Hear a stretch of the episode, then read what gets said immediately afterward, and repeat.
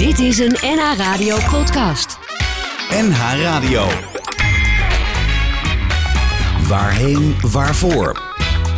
Koop Geersing. Wanneer je je eindigheid omarmt en in het nu integreert, brengt het je meer levensgeluk.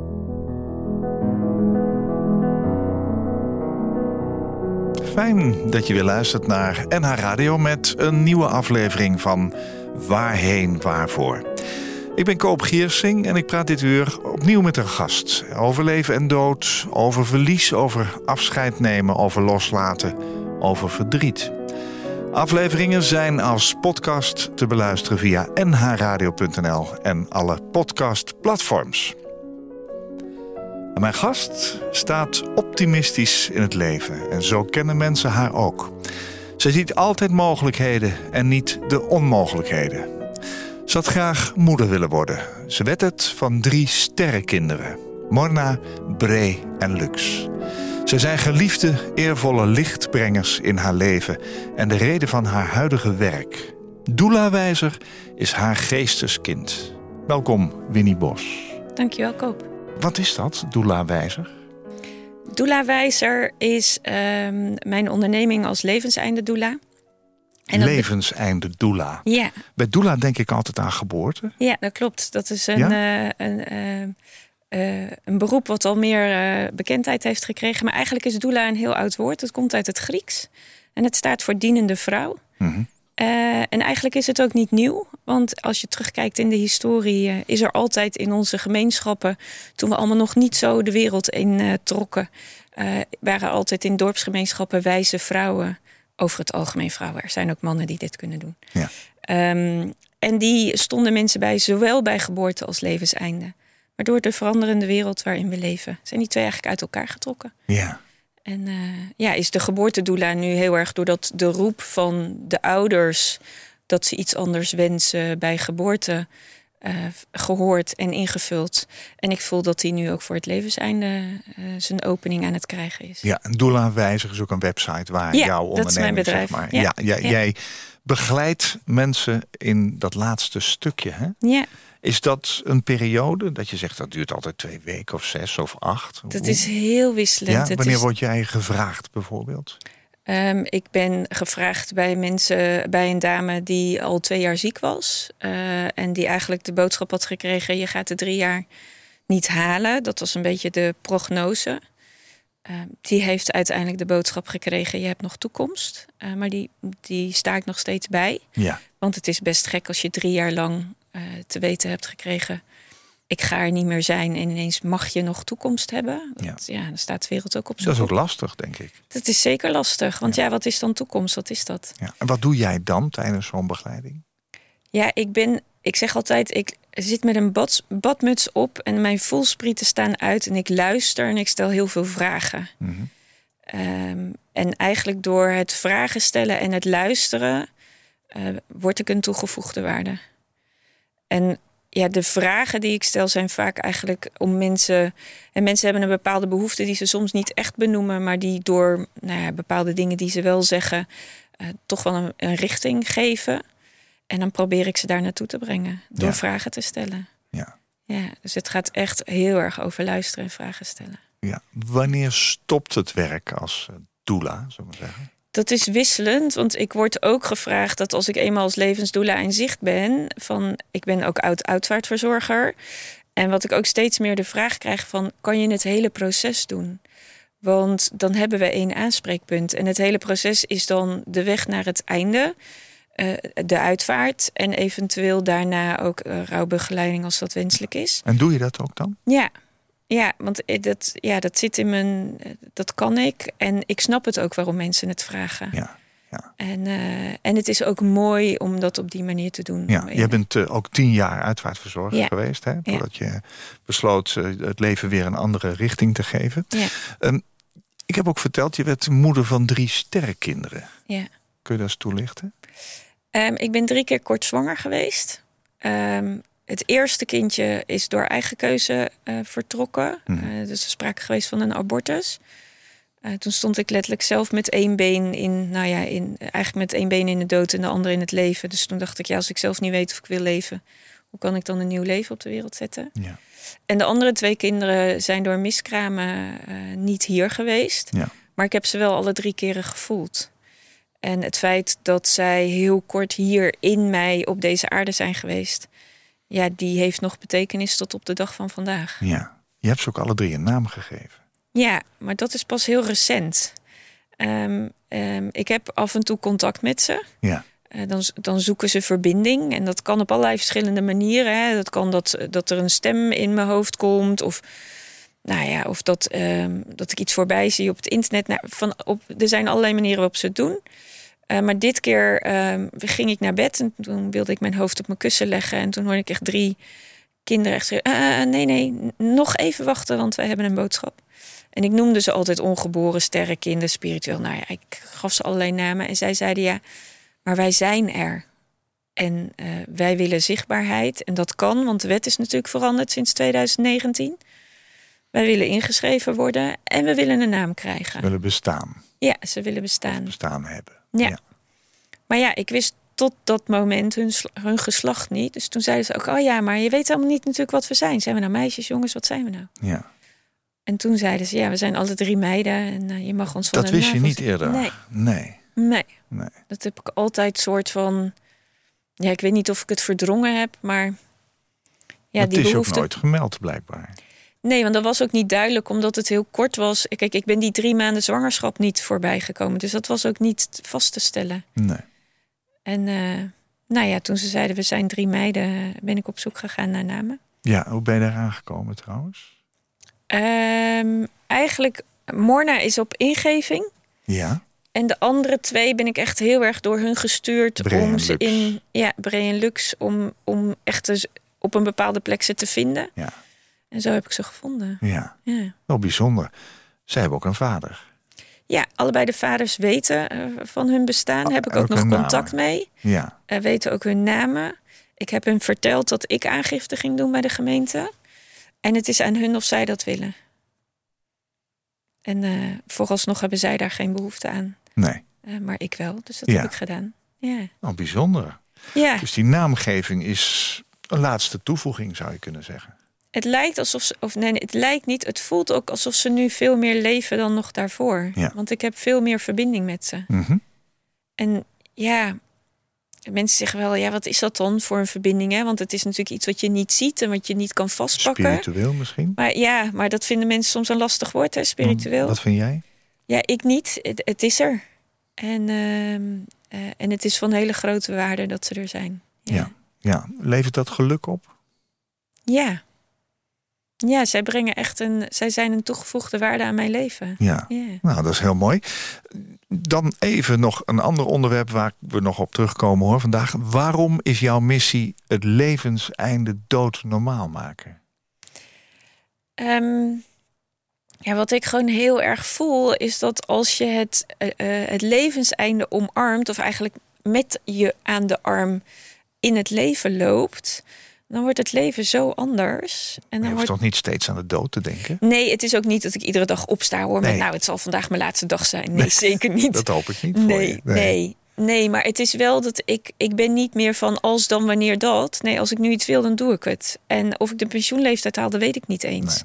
Dus ik ben niet van uitstellen. En ik ben heel erg van het genieten en van ehm, alles wat, wat aan me voorbij komt. Dat ik denk, zo, dat heb ik maar weer mooi mogen ervaren. Wat fijn. Dus ik ben ook heel dankbaar en heel verwonderd over wat, het, wat er in het leven gebeurt. Mhm. Ehm, en in vooral de tien jaar eh, dat ik uitvaartverzorger ben, ik, ge- ben geweest, heb ik ongelooflijk het verschil gezien tussen wat is er als je de dood echt op een ongelooflijke afstand zet, tot aan ik wil het er echt niet over hebben. Tot de mensen die zeiden van nou ja, het is er, ik neem het aan en ik zeg er ja tegen en alles wat daartussen zit. En ik werd altijd heel erg geraakt en gefascineerd door dat ongelooflijke contrast, maar ook de heftigheid van het gewoon echt de deur uitzetten. En, en dat raakte mij en dat deed mij ook wel heel erg pijn. En ik dacht, ja, dat, dat, dat klopt voor mij niet. En eigenlijk als ik terugkijk in het leven, heb ik altijd met de dood samengewandeld. Ja. Eh, Dus voor mij is het niet meer dan een normaal eh, gegeven dat er dood er is. Ja. En dat ik heel dankbaar mag zijn dat ik het leven leef wat ik leef. En dat ik het prachtig vind om de dingen te doen. Ja, en wanneer het mijn einde is, weet ik ook niet. Nee. Maar in de tussentijd maak ik er wat van. ja. En je staat andere mensen bij. Ja, Ja. en daarin probeer ik mijn kennis en kunde mee te geven aan anderen. Ja, voor ons allemaal trouwens, want je maakt ook eh, podcasts. Ja. Doodnormaal, die kan iedereen vinden als je een beetje zoekt op Ja. Google of op eh, Spotify. Dan kom je die Ja. tegen. Gaan we het straks ook even over hebben. Ja. Mijn gast in deze aflevering van Waarheen Waarvoor is Winnie Bos, levenseinde doula. En bijna tien jaar werkte zij met veel plezier in de uitvaartzorg. En nu zet zij zich met ziel en zaligheid in om stervenden te begeleiden in dat laatste, vaak spiritueel geladen stuk. Zodat die bewust vanuit aandacht en liefde afscheid kan nemen. Vanuit een gevoel van tevredenheid en rust, want dat verdient een leven. Sinds Winnie de 50 is gepasseerd, vindt ze het haar tijd om als rolmodel te leven. Het rolmodel zijn gaat over dat je hier bent om te leven en er ten volle van te genieten. En het leven aannemen zoals het komt en de ups en downs beleven en ervaren als cadeautjes om je verder te brengen. De enige waarheid is haar eigen waarheid. Als morgen haar leven ophoudt, dan gaat zij tevreden heen. Winnie, jij zet diverse activiteiten in om de dood bespreekbaar te maken. Je maakt de podcastserie Dood Normaal om zo diversiteit aan verliesverhalen makkelijk bereikbaar te maken. Je organiseert lezingen om de dialoog met aanwezigen te starten. En er is een congresfestival Nieuw Bakje Troost. Dat is een mooie combinatie. Een congres en een festival. Een plek waar mensen op eigen initiatief kennis opdoen. Waarom ben jij zo met dat levenseinde bezig? Ik ben ermee geboren. Vertel. Ehm, de zwangerschap van mijn moeder was, eh, nou ja, laten we zeggen, een kwestie van leven en dood. Ehm, al weet ik daar natuurlijk niet zoveel van. Want Het was ja, een wonder dat je nog ter wereld ja, kwam. het was een wonder dat ik nog ter wereld Ja. kwam.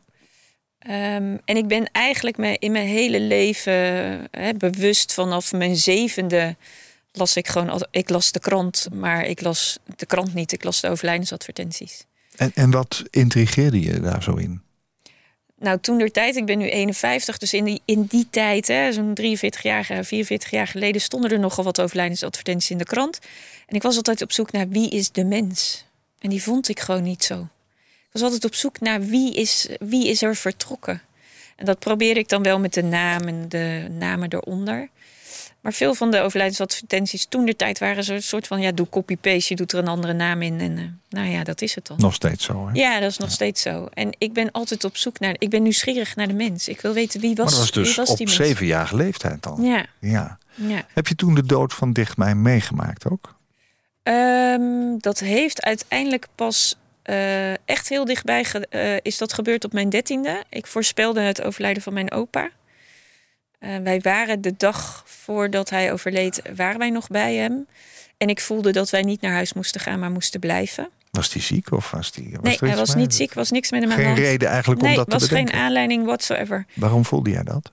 Ja, zeg het maar. Geen idee. Het was, er was gewoon zo'n ongelofelijke overtuiging in mij van ja, ik, we moeten hier blijven. Ja. En ik weet dat ik ook echt bij mijn ouders eh, echt erop heb gestaan van ja, mam, je moet morgen wel werken, maar wij moeten hier gewoon blijven. En mijn moeder zei nee, ik kan geen vrij nemen, ik moet echt gaan. En de volgende ochtend om half zeven werden we gebeld en opa was er al niet meer. Nou, Ja, weet je nog hoe dat voor jou voelde? Als dertienjarige. ja zie je wel, maar dat kon niemand horen. Want ik, iedereen dacht dat ik gek was. Dat kan je toch niet aanvoelen? Dat bestaat niet. Maar het was wel zo. Ben je mee geweest naar de uitvaart? Ja, ik heb bij die uitvaart eh, ben ik bij geweest. Hoe ja. was dat voor je? Weet je het nog? Eh, ja, ik vond het eh, als dertienjarige heel raar toen de tijd verdween de kist in de muur. Oh, oké. Ja, dat was toen in dat crematorium was dat zo. Dat was echt dat je de kist zo naar achteren weg Oh ja. ging verdwijnen. Ja. Dat is ondertussen niet meer. Gordijn eromheen zie je nog wel eens. Ja, nee, Heel dat was, dat was nee, dat- nee, ik weet nog wel wat ik heel erg. Hij was, dat was bijzonder voor mijn opa's tijd. Thuis opgebaard in zijn eigen winkel. Alleen toen de tijd had je nog dat er dan een glasplaat op de kist lag. Ja. Met zo'n heel raar gazige doek eroverheen. Waarin je alleen dan nog maar het soort van zijn gezicht zag of zo. Ja, ik vond dat echt zo. Ik denk, wat een raar gebeuren. Dat ik echt dacht, waarom doet iedereen hier zo zo mysterisch over. Het is Ja. gewoon toch mijn opa. Dat kan ik nog heel erg in. En wij werden weggehaald wel bij hem. Maar wij als kleinkinderen deden er gewoon alles aan om te zorgen dat we bij opa konden zijn in zijn eigen winkel. En dat kon natuurlijk omdat hij thuis was. Ja. En ehm, dus ik ben daar heel erg bij betrokken. Ja. En twee jaar later vertrok mijn oom eh, door zelfdoding. En daar ben ik van weggehouden. Eh, en daar is mijn moeder mee thuisgekomen met het verhaal. Het was maar goed dat je er niet bij was, want het was niet om aan te zien. Ja, en daar ben ik vragen over gaan stellen. Nou, daar krijg je spookverhalen van. Hè, ja, hoezo? hoofd. Wat was er dan niet om aan te zien? Ja, ja, dat kan ik je maar niet beter vertellen, want het is, het is maar goed dat je er niet was. Nou, En voor mij was het natuurlijk als een 15-jarige een enorme impact dat iemand gewoon. Nou ja, ik geloof niet dat je kiest voor de dood. In, in, in, de, in, het feit dat je het zelf eh, aan, bij jezelf doet. Maar ja, ik dacht wel, ja, waarom mag ik hem niet zien? Dat vond ik echt raar. Ja. Nou ja, ik ben nog een klasgenoot verloren. Ik heb zelf een doodsangstervaring gehad. Ik heb eh, een doodsangstervaring. Wat Ja. is er gebeurd dan? Ik heb een whitewater rafting trip gemaakt in de tijd dat ik in Amerika woonde. Ik ben au pair geweest. En eh whitewater raften, dan ga je door zo'n rapid en met bootjes. Rapid even in het Ja, dat is een, eh, eigenlijk een hele ruige rivier die af en toe een steenmassa heeft. Oh ja, Waarbij je dan, dan een enorme golven zijn. En dan moet je dan zorgen dat je met je bootje daar een beetje doorheen manoeuvreert. ja, ik zie het voor me. Ja. En eh, er zat een bootje vast en wij kwamen eraan. Maar ja, die stroming is zo sterk dat je deels kan je het een beetje sturen en op een gegeven moment heb je het niet meer in de hand. En wij werden met z'n drieën uit de boot gegooid en kwamen in die reppen terecht. En toen keek ik naar boven en toen zag ik een boot boven me. En toen voelde ik in dat moment, ik, nou, dat, dit, dit is, dit is het laatste. Ik Het ben slot. klaar. Ja, het stopt. Ja. En toen ben ik echt letterlijk heel snel afscheid gaan nemen van mensen. En ik was klaar met afscheid nemen en ik ploep echt zo als een soort, nou ja, wat is het? Een prop zo het water weer uit. En ik zie mijn vriendin die in dat bootje zat ongelooflijk hard tegen een rots aan knallen. En eh, toen werden wij in de stroming weer meegenomen. Eh, maar dat moment, eh, ja, dat wordt een doodsangstervaring genoemd. ja. De dood in de ogen gekeken. ja, zeg echt maar. letterlijk de dood in En de dan ogen zie je die gekeken. film langs je, Ja, ja die bewust. film kan ik ook echt zo ja, terugkijken. ja, Ja. langs je bewustzijn meegaan. En er is een moment geweest, zo halverwege mijn twintige jaren, dat ik dacht, nou, als het nu klaar is, dan vind ik het ook goed. En dat ik ook echt wel dacht van, nou, Was dat een verdrietige periode in je Ja. leven? ja. Ja. Ik geloof dat ik daar wel op mijn diepste ooit ben geweest. Ja? ja. Was het nodig om zo diep te gaan om weer een vervolg te, te kweken, zeg maar? Dat hoor je wel eens, hè, met terugwerkende kracht. Hoe, hoe zat dat bij Eh, jou? Ja, ik denk het wel. Ja. Ja. Ja, want daarna heb ik echt zo'n ongelofelijke wil tot leven gekregen. Oh ja. Dat echt er, nou, ja, die wil tot leven, die verrast mezelf soms nog wel eens. Ja, maar toen had je de wil om dood te gaan, bij wijze van spreken. Zeker. Heb je daar ook over nagedacht van, Ja. kan ik dat ook bewerkstelligen? Ja, ja, Ja? zeker. Ja, en ik had hulp gevraagd en er waren enorme wachtlijsten. En eh, er werd gewoon gezegd, ja, er is gewoon geen hulp voor je. En op een gegeven moment werd me dat zo te kwaad... dat ik weet nog dat ik op mijn werk stond. En nou, ik weet niet hoe ik het heb gedaan... maar uiteindelijk na dat telefoongesprek wat ik had... kwamen mijn collega's bij mij terug... En die zeiden, die hadden het gesprek gehoord en die zeiden echt, eh, gaat het wel goed met je? En ik zei, nou ja, zoals je hebt gehoord, nee dus. Ehm, maar toen was uiteindelijk wel dat ik een week later bij een psycholoog aan tafel kon zitten. Door gewoon zelf heel hard aan de bel te trekken en te zeggen, ja weet je, het is, het is letterlijk nu een kwestie van leven en dood. Je wilde ook wel geholpen worden. Ja, Ja. ja. ja. Dat was ook wel weer een beetje levenswens dus. Ja, ja dus dat, de, ik wilde eigenlijk helemaal niet een punt zetten. Nee, Maar ik wilde hulp om op te lossen waar ik zelf geen oplossing voor vond. ja, ja. Ja. Put je nog wel eens uit die tijd om iemand bij te staan?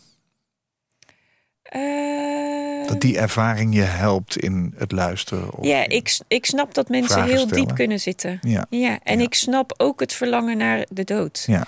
Dus je kent veel mensen met psychische belasting die verlangen naar de dood. Die, die volg ik. Ja. ja, die kan ik echt volgen. Ja. Bijna tien jaar werkt je met veel plezier, zeg je zelf. Dat, dat klinkt altijd voor buitenstaanders Ja. een beetje gek. Ja. Maar toch, ik snap dat wel. In de uitvaartzorg. Dat moest er dan ook wel van komen, denk ik. Hè? Als je zo al met de dood bent eh, ja, zeg maar opgegroeid. Ja. Maar ook daar zoveel belangstelling voor had. Ehm, je bent dat gaan doen. Toch ben je daar weer mee gestopt na tien jaar. Hoe heb je dat achtergelaten? Ik Ik heb een hele mooie laatste uitvaart gedaan. Waarin ik ehm, een, een wens van de mensen ook kon vervullen wat na de uitvaart moest. Ehm, deze man overleed en had kort na, eh, eigenlijk in het tijdsbestek dat de as nog niet beschikbaar mocht zijn, was zijn verjaardag. En ehm, nou, deze familie had een hele prachtige uitvaart neergezet, maar het verlangen op op zijn verjaardag, de as ook in een speciale urn en op een speciale plek in de begraafplaats. Dus ik heb eigenlijk op weg naar de uitvaart, of eigenlijk voor de uitvaart, wisten we al wanneer, eh, waar de as kwam, dat de urn was besteld. Eh, de afspraak was gemaakt dat op zijn verjaardag dat ook ging gebeuren. En dat hebben we met elkaar gewoon heel erg mooi afgerond. En ik denk dat dat voor mij een hele mooie, als ik, hè, dat is altijd makkelijker praten terugkijken, maar het is heel mooi dat ik dat op die manier, ja, dat ik toen een punt heb kunnen zetten. Ja, maar waarom kwam die punt?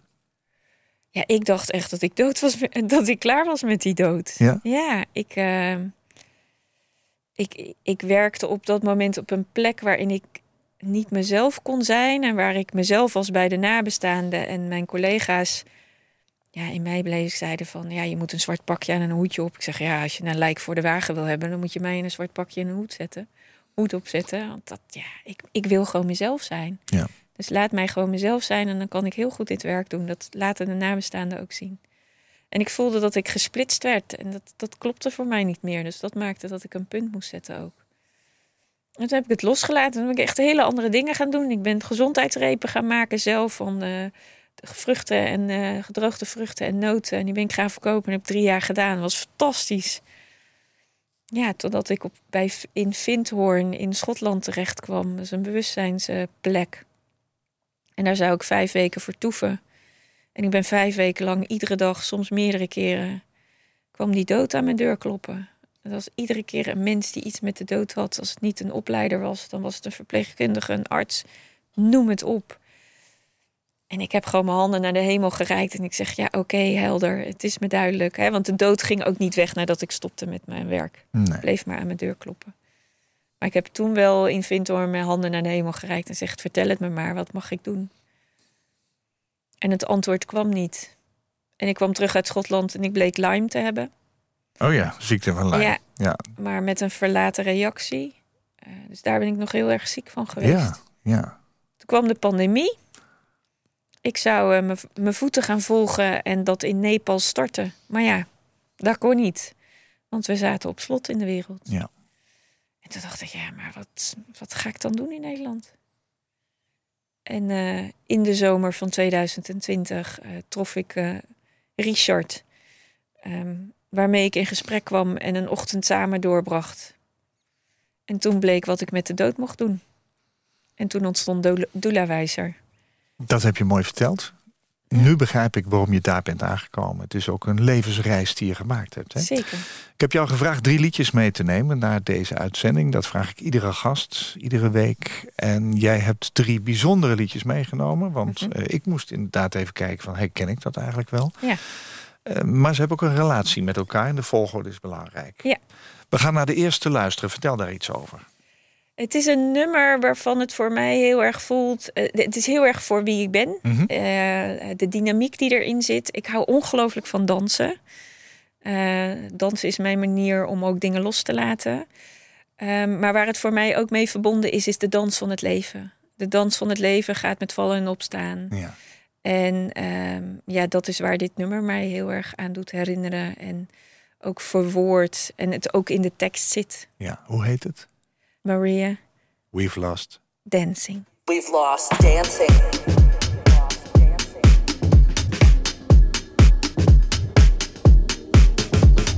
This year we've had to lose our space. We've lost. We've lost dancing.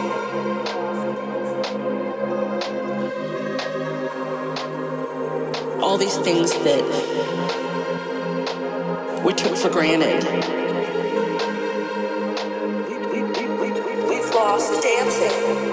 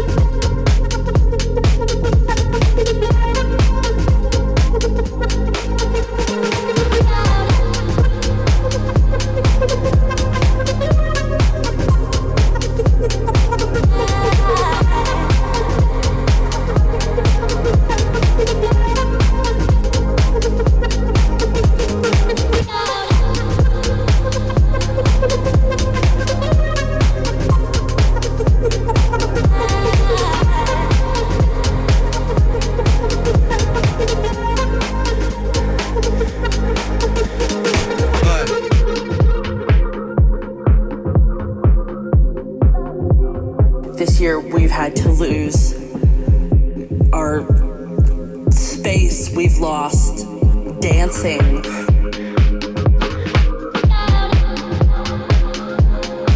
We've lost the hugs with friends and and people that we loved, all these things that we took for granted. We've lost dancing. We've lost dancing. If I can live through, we've lost dancing. This next six months, we've lost dancing. Day by day, we've lost dancing. If I can live through this, we've lost dancing. What comes next will be marvelous.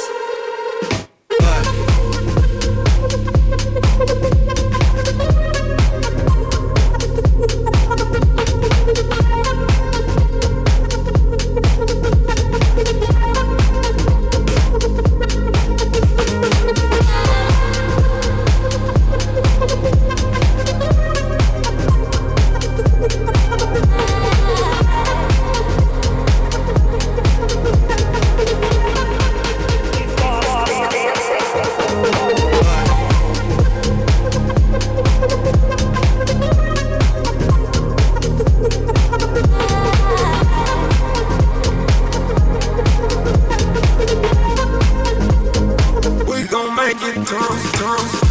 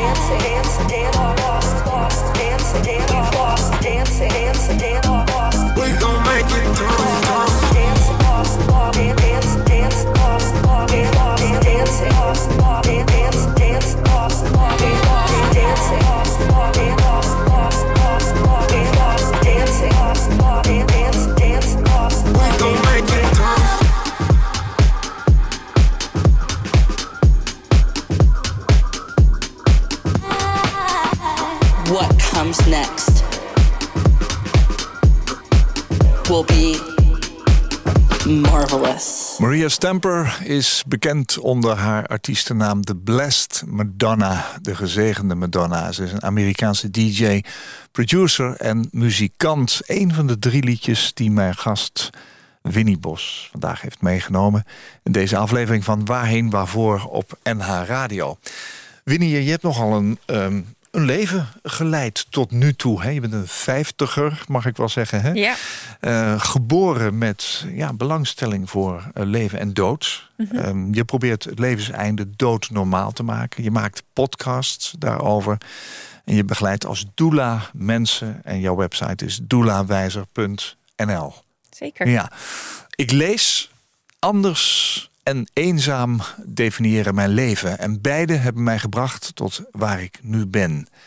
Ja, je hebt net verteld dat je toen je rond je 25ste wel heel eenzaam was en eenzaam voelde. Daar ben je ook weer uit omhoog gekropen. Wat is dat anders? Ik ben eigenlijk vanaf kinds af zijn. ehm, ehm, ja, heb ik me altijd anders gevoeld ten opzichte van mijn eigen leeftijdsgenoten. En dat werd gevoeld ook, want ik ben gepest. Ja? Ehm, ik ben vanaf de lagere school, vierde klas, tot eh, middelbare school, derde, vierde klas, eh, ben ik gewoon echt heel erg gepest. Waarom? Mensen konden mij niet in een hokje stoppen. Eh, ik werd uitgemaakt voor zigeuner. Ik kreeg allerlei namen. Nou, van alles nog wat. Kleedde je je anders dan? Of, of gedroeg je echt anders? Maakte je geen Nou, contact? Waar zat hem Eh, dat de, de beleving die ik zelf had, is dat ik me vooral heel erg klein maakte en zoveel mogelijk onzichtbaar wilde maken. Oh ja, Nou, dat had niet zo'n heel. Ja, dat had niet uiteindelijk het tegengestelde gedrag. Want daardoor werd het pest alleen maar erger. Ja. Ehm, en ik, ja, ik, ik kreeg van school weinig bijstand daarbij. En mijn ouders zeiden altijd van ja, je zal wel wat doen. Maar ja, ik. Die had het er eigenlijk begrip voor. Nou, nee. Leek die, het wel. Nee, die hadden helemaal geen begrip voor het feit. eh, of die wisten eigenlijk zelf niet wat ze ermee aan moesten dat ik gepest werd. En eh, ik weet dat mijn moeder heel vaak wel en ook mijn vader bij docent is geweest. Maar dat, het veranderde gewoon niks. Het werd daardoor eigenlijk alleen maar erger. Wat deed het met jou als kind dan? Ik maakte me nog kleiner. En uiteindelijk, wat, nadat ik een programma op tv had gezien waarin werd gezegd: pesten, men pikt er gewoon één iemand uit. En dat is dan het pispaaltje, om het maar zo te noemen. Dacht ik, oh, maar het ligt helemaal niet aan mij. Ze hebben mij gewoon, toevallig was ik op de verkeerde plek, op de verkeerde plaats. Zo heb ik het voor mezelf verwoord. Ja, en toen ben ik heel erg mijn grote mond gaan opzetten. En dacht ik, oké, nou dan doen we het tegengestelde. Nou, dat bracht ook niet veel goeds teweeg. Nee? nee, ik denk dat ik daar ook wel mensen mee gekwetst heb. Um, maar dat was mijn manier van. Uh, uh, en dat had ik ook wel een beetje geleerd van mijn vader. Mijn vader had ook wel een grote mond. En die, uh, ja, ik dacht, oh, dat is dan schijnbaar de manier om jezelf kenbaar te maken. Maar dat, daar had, wat, kwam ik wel vrij snel achter. Als ik dat blijf doen, dan stuur ik alleen maar mensen weg en dan omarm ik niemand. Nee. Wanneer stopte het? Eigenlijk na, nadat ik hulp had gevraagd en dat ik het leven niet meer zag zitten. Had daar dat een relatie met elkaar? Dat denk ik. Ja. Ik was ook echt mezelf kwijt. Ik was verhuisd. Ik was uit mijn eigen omgeving vertrokken. Waardoor dit zichtbaar werd. En, uh, uh, en het heeft zelfs ertoe moeten leiden dat ik het contact met mijn ouders heb moeten verbreken. om in ieder geval mijn eigen reis te kunnen wandelen. Was dat tijdelijk? Of is dat, dat heeft uiteindelijk tien jaar geduurd. Oh. Ja, dat heeft tien jaar geduurd. En toen hebben we wel weer contact gehad. Ja. Het heeft zo'n 2,5 jaar geduurd dat we weer contact hadden en toen is het ook weer verloren gegaan. En hoe is het nu? Mijn beide ouders zijn overleden. Um, ik ben bij beide overlijdens niet aanwezig geweest en ik heb ook bij beide hun uitvaart niet geregeld. Dat moet niet goed voelen, want uh, iemand die zo met het levenseinde bezig is geweest en je eigen ouders. Ja. Is dat een ding in je leven? Nee, ja, gek genoeg niet. Um, ik vind het verwonderlijk dat dat zo is, maar is dat de manier waarop je er nu tegenaan kijkt? In het moment, uh, kijk, met mijn vader heb ik hem nog wel gezien en ben ik bij de uitvaart geweest. Dus dat was uh, fijn. Alleen ik zat voor het eerst van mijn leven onbereikbaar op de wereld. Maar mijn vader was altijd wel een papegaai op mijn schouder. Toen dacht ik, oh, dat is toch ook wel heel symbolisch. Tot op het laatste moment dat hij zijn laatste adem uitblaast, heeft hij toch nog een zeggenschap over mijn leven. Ik ben onbereikbaar, maar ik moet weer bereikbaar worden. En bij mijn moeder is dat een wat minder leuk verhaal, omdat hij me echt volledig onthouden heeft van alles. Dus daar ben ik ook zelfs niet bij de uitvaart geweest. En uh, ja, die heeft mij totaal echt ook van alles onthouden. Dus daar stond ik ook niet op de rouwkaart. En, nee. Nou, die was wel, die kwam binnen. En hoe is dat nu? Als nou, je daar nu aan denkt. Nou, dan denk ik dankjewel, mama. En ook, dank, ook dat zie je als een cadeau. Ja, dan denk ik dankjewel mama. Maar dan denk ik ook dankjewel aan mezelf. Want ik heb de keuze gemaakt om niet in de strijd te gaan. En niet in het uitzoeken. In het waarom. En omdat ik denk, ja, wat heeft het voor zin? Dat, dat brengt me nergens. Het brengt me alleen maar verdriet. Uh, heel veel boosheid. En ja, ik heb boosheid gehad. En die heb ik echt doorleefd. Maar ja, ik kan er niks mee. Ze heeft voor haar was dit de keuze die klopte. Ja. En daar zal ze redenen voor hebben gehad waarvan ik niet weet waarom. Nee. En dat is waar ik. Dat wil je niet weten, eigenlijk. Ik, nou ja, ik, daar kom, ik ben daar wel naar op zoek geweest, maar kom daar gewoon niet achter. Dus dat heb ik losgelaten. Die energie die besteed je er niet meer aan. Ja, ik, ik, moet, ik leef nu. Ik, moet, ik mag nu iets van het leven maken. Dus laat ik vooral leven van het nu. Het is geen last in je leven meer. Nee. Nee. nee. Als je de herinnering aan je moeder en je vader zou benoemen in één zin. Een gecompliceerde relatie. Altijd? Ken het niet anders. Nee. Geen geluksmomenten? Nee. Ik heb ze niet gezien. Nee. Heb je nu wel geluksmomenten? Zeker. Zeker. Ik heb mijn eigen familie om me heen gecreëerd. Ik heb prachtige mensen om me heen. En als ik dat zeg, dan raakt me dat ook. Want het zijn echt hele dierbare mensen. Ja. En die, uh, ja, dat, die zijn me alles. Ja.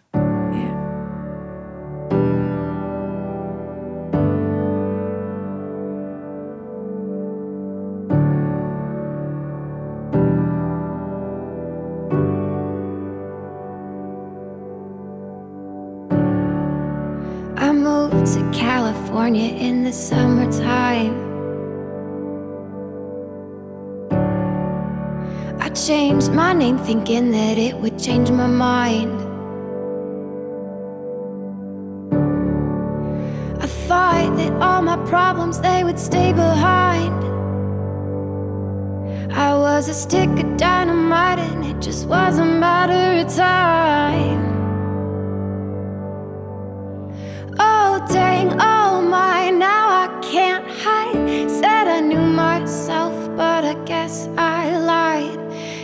Okay, it's okay, it's okay, it's okay. If you're lost, we're all a little lost, and it's alright. It's okay, it's okay, it's okay, it's okay. If you're lost, we're all a little lost, and it's alright, it's alright. It's alright, it's alright, it's alright.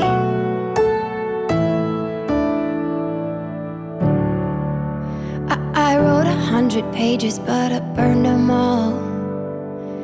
I burned them all. I blow through yellow lights and don't look back at all. I don't look back at all. Yeah, you can call me reckless, I'm a cannonball. I'm a cannonball. Don't know why I take a tightrope and cry when I fall.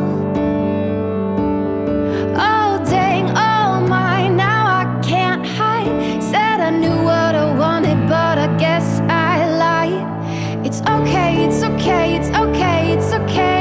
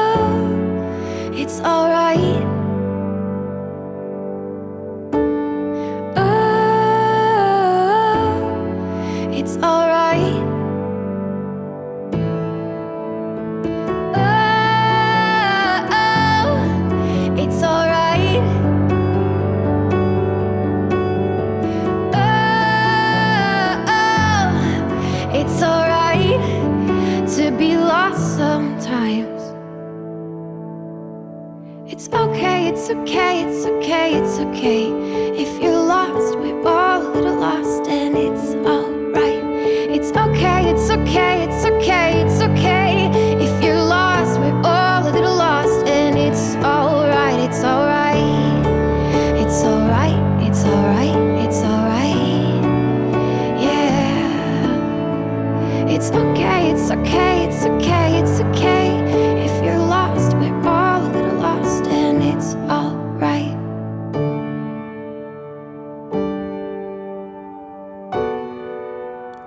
Marchewski, bij velen bekend als Nightbird.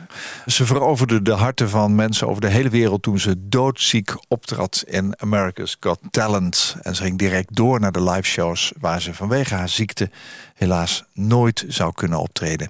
En na een vier jaar durende strijd met kanker... overleed zij op 19 februari.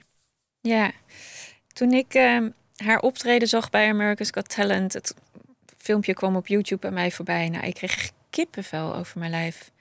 Er stond een heel mooi, prachtig meisje. Ongelooflijk ziek, voor mij zichtbaar althans. En ze deed haar verhaal. En ze zei, dit is het nummer wat ik heb geschreven. En dan luister ik naar de songtekst. En dan denk ik, ja jongens, het leven is soms ja, we zijn dan gewoon verloren en we weten het even niet. En eh, ja, dat is soms heel vervelend. En zeker in ten tijde als je ziek bent, want hoe onzeker is het leven dan? En zij gaat het gewoon aan en ze gaat gewoon naar America's Got Talent en ze is ziek en ze denkt, ja, maar ik heb nog mogelijkheden. Ja. En de mogelijkheid is dat ik hier kan staan en, mijn- en ik kan mijn, mijn ja, talent zichtbaar maken. Ja, en hoe prachtig in dat korte leven wat ze heeft en in dat laatste stukje, want het was echt in dat laatste stuk van haar leven dat ze bij America's Got Talent zat. Ja, dat ze helaas niet de live shows heeft gehaald, maar dat ze wel dit prachtige nummer gewoon in de wereld heeft gebracht. En It's haar boodschap okay. heeft, ja, it's okay. Ja. Ja. Ja. Jouw eerste liedje was eh, Maria, We've Lost Dancing. Dit is It's Okay, Nightbride. Wat is de relatie wat jou betreft? Het leven is echt een dans van vallen en opstaan. Het is een, het, het is een, ja, een golvende beweging van eb en vloed. Weet je, Ja. we hebben tijden waarin we ongelooflijk blij, gelukkig, fijn zijn. Maar er zijn ook dieptemomenten in het Ja. leven. En ehm, eh, ik, ik zie gewoon veel om me heen dat ook veel mensen die uit de weg gaan, die dieptemomenten. En dat ze denken, ja, maar daar heb ik helemaal geen zin in. Maar het kan Nee. ook niet. Nee, ja, en het kan ook niet. Je ja, hebt dat- geen hoogtepunt als je geen dieptepunt Nee, precies. Dus ik geloof altijd, eh, je mag af en toe in de diepe dalen lopen of in de dalen lopen. Die hoeven dan nog niet eens diep te zijn. Maar er komt altijd weer een berg. Ja. Jij gelooft zelf in, in, in zeven, hè? Het- Ja. Het cijfer zeven. De- zoals je de zeven magere jaren, de zeven eh, zeg maar rijke jaren hebt. Nou, ik weet niet waar we nu ongeveer zitten, maar je hebt op die manier ook jouw doula-wijzer zo ingericht. Ja. Jij noemt dat zeven cirkels. Ik vroeg je naar een paar onderwerpen die jij in de uitzending vandaag eh, aan bod zou willen laten komen. Hè? Noem er eens drie. En toen zei je: het leven omarmen zoals het is. We worden geboren, gaan dood. En in de tussentijd is het jouw eigen verantwoordelijkheid om het, van het leven iets te maken. Met andere woorden, doe dat dan ook. Waarom is dat zo belangrijk? Ja, je bent hier maar tijdelijk. eh, en je mag er zelf een feestje van maken. En laat je gewoon, kijk, wij laten ons zo beïnvloeden door anderen. Eh, of, eh, wat de ander vindt dat je moet doen, wat de ander vindt. En, denk ik, ja, de hele wereld mag vinden wat ze willen. Maar doe wat jij belangrijk vindt. En ja, tuurlijk mag je iets aannemen van een ander. Maar check eerst bij jezelf. Klopt dat voor mij ook? En als Ja. het klopt, tuurlijk, doen. Maar als het niet klopt, heb dan ook de moed om te zeggen: Nou, dankjewel. Maar ik ga niet eh, rechts wat jij wil, maar ik ga links. En ja, zo heb ik altijd mijn leven gewandeld. En dat heeft ook niet iedereen altijd fijn gevonden of me in dankbaarheid afgenomen. Maar tegelijkertijd dacht ik: Ja, maar dit is het. Voor Jij mij. zelf wel. Hè? Jij zelf wel. Ja, voor mij Ja. klopte het. Ja. En eh, Is dit ook een boodschap die je als levenseinde doula meeneemt? Want als je iemand in haar of zijn laatste periode begeleidt, ja, wat heb je er dan nog aan, zou je bijna och, kunnen zeggen? zoveel. Vertel. er gaan lagen af van je als je weet dat je het einde in zicht hebt. Dus er komt een soort puurheid in de mens naar boven. Rust ook misschien? Ja, nou, het is niet altijd rust. Er zit ook vaak wel nog best veel onrust bij mensen. Maar er is ook wel, eh, als je ja kunt zeggen tegen het feit dat je weet dat het klaar is, ook al weet je niet wanneer, dan gebeurt er wel iets met je. En er gaan, er gaan filters af. Er gaan echt van die filters af die je in het leven wel had en die wetende met dat laatste stuk. Ja, je trekt ze weg en dan komt er een schoonheid naar boven. En ook een verwondering voor de mensen zelf. Want ze overtreffen zichzelf op sommige dingen. En zeggen, nee, dit is mijn grens. En dan gaan ze er toch over. Nee, dit ik, doe ik niet. En dan doen ze het toch. Ja, ik vind dat echt magisch wat er dan nog kan gebeuren. Doe je dat ook voor jezelf? Ja. Ja. Ja, ik kan op die manier niet meer anders in het leven staan. Ja. Dus je hebt het ook nodig Ja. om te leven. Ja. Ja. Dus iedere keer als jij iemand in dat laatste stuk begeleidt, kom je er ook weer schoner uit. Ja, het, het- is, het is heel. Ik zeg altijd tegen de mensen, want ik eh, wil ze altijd bedanken voor de reis die we samen hebben gemaakt. Ja. Ik ben soms bij het overlijden, soms ook niet. Nee. Ehm, maar dan voelt het voor mij ook dat ik het rond wil maken. En dan zeg ik altijd: dank je wel voor het feit dat je je open hebt gesteld voor mij. Maar ook dank je wel alvast voor alle mensen in de toekomst waarvan ik jouw kennis weer mee mag nemen naar hen. Want dat is hoe het voor mij voelt. Ja. En wat zeggen ze dan? Ja, ik krijg iedere keer weer terug van, ja, het, ik vind het ongelooflijk fijn dat je erbij bent geweest. En ja, zoals sommige van hen dan zeggen, en jij weet niet hoeveel dat betekend heeft. Nee, dat kan ik ook niet, natuurlijk niet, want ik kruip niet, kan niet in de huid kruipen van die ander, maar ik kan het wel voelen en zien. Hoe waardevol het is. En hoe ik hun ook op stukken breng waar zij zelf niet bij kunnen komen. En waar ze dan toch met mijn aanwezigheid wel komen. Soms Okura, acht gangen. Soms tempura, champagne. Soms, soms visvim, soms Gucci. Soms comme de garçon, soms Louis. Soms dansen en soms lichtjes. Soms, soms drankjes, soms flitsen, soms 150 paar kicks. En soms helemaal niks. Soms New York, soms Londen, soms, soms high en stom dronken, soms, soms Tokio, soms Parijs. Soms puur, soms met ijs. Soms shows, soms aandacht, soms, soms weekend vanaf maandag, soms, soms allemaal chicks. En soms helemaal niks. Dit is te leven. En ik weet dat dit te leven is. En ik weet niet of het nog lang duurt. Maar zolang het er nog even is, geniet ik ervan. Elke dag. En ik weet dat dit te leven is. En ik weet niet of het nog lang duurt. Maar zolang het er nog even is, geniet ik ervan. Elke dag. Soms balen, soms huilen, soms. Soms liever niet naar buiten, soms. Soms bang zijn voor later. Soms mis ik mijn vader. Soms gezeik, soms gehaat, soms. Soms gekijk, soms op straat, soms uitschelden, omkijken, soms bek houden, doorbijten. Dit is te leven. En ik weet dat dit te leven is. En ik weet niet of het nog lang duurt. Maar zolang het er nog even is, geniet ik ervan. Elke dag.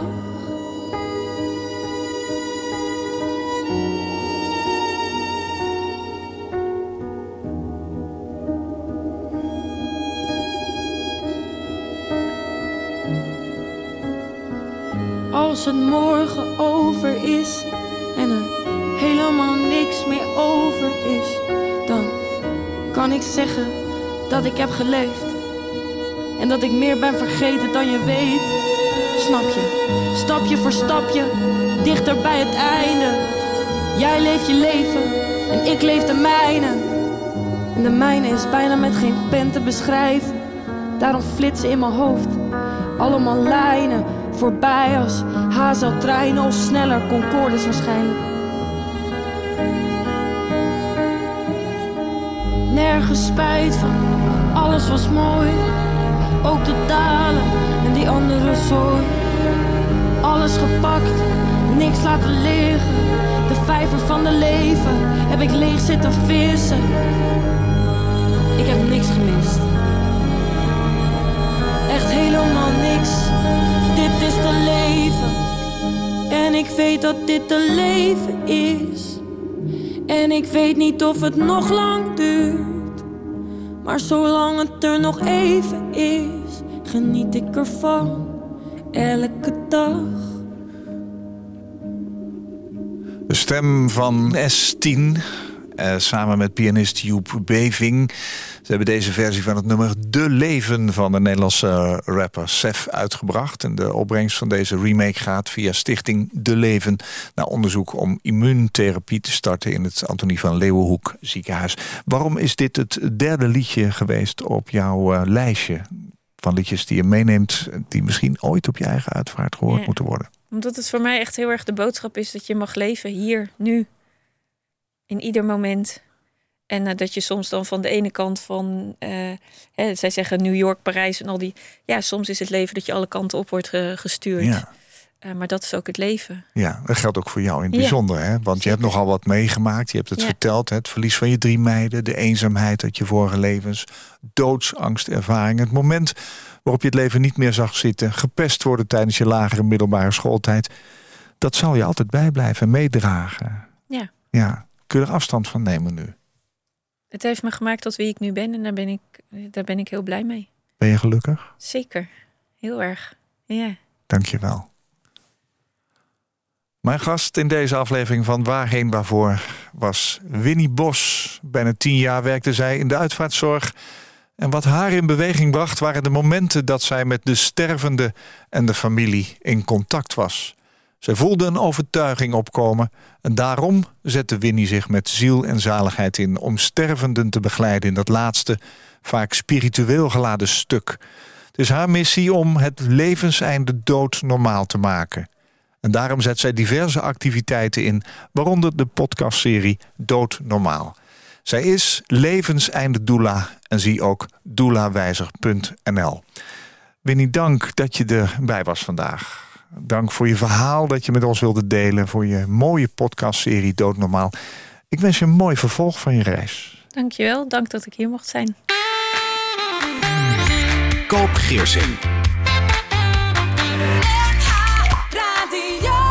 Als jij een keer te gast wilt zijn in Waarheen Waarvoor... om te vertellen over jouw levensreis, laat me dat dan weten... via waarheenwaarvoor.nhradio.nl waarheenwaarvoor.nhradio.nl Dit was een NH Radio podcast. Voor meer, ga naar nhradio.nl Radio.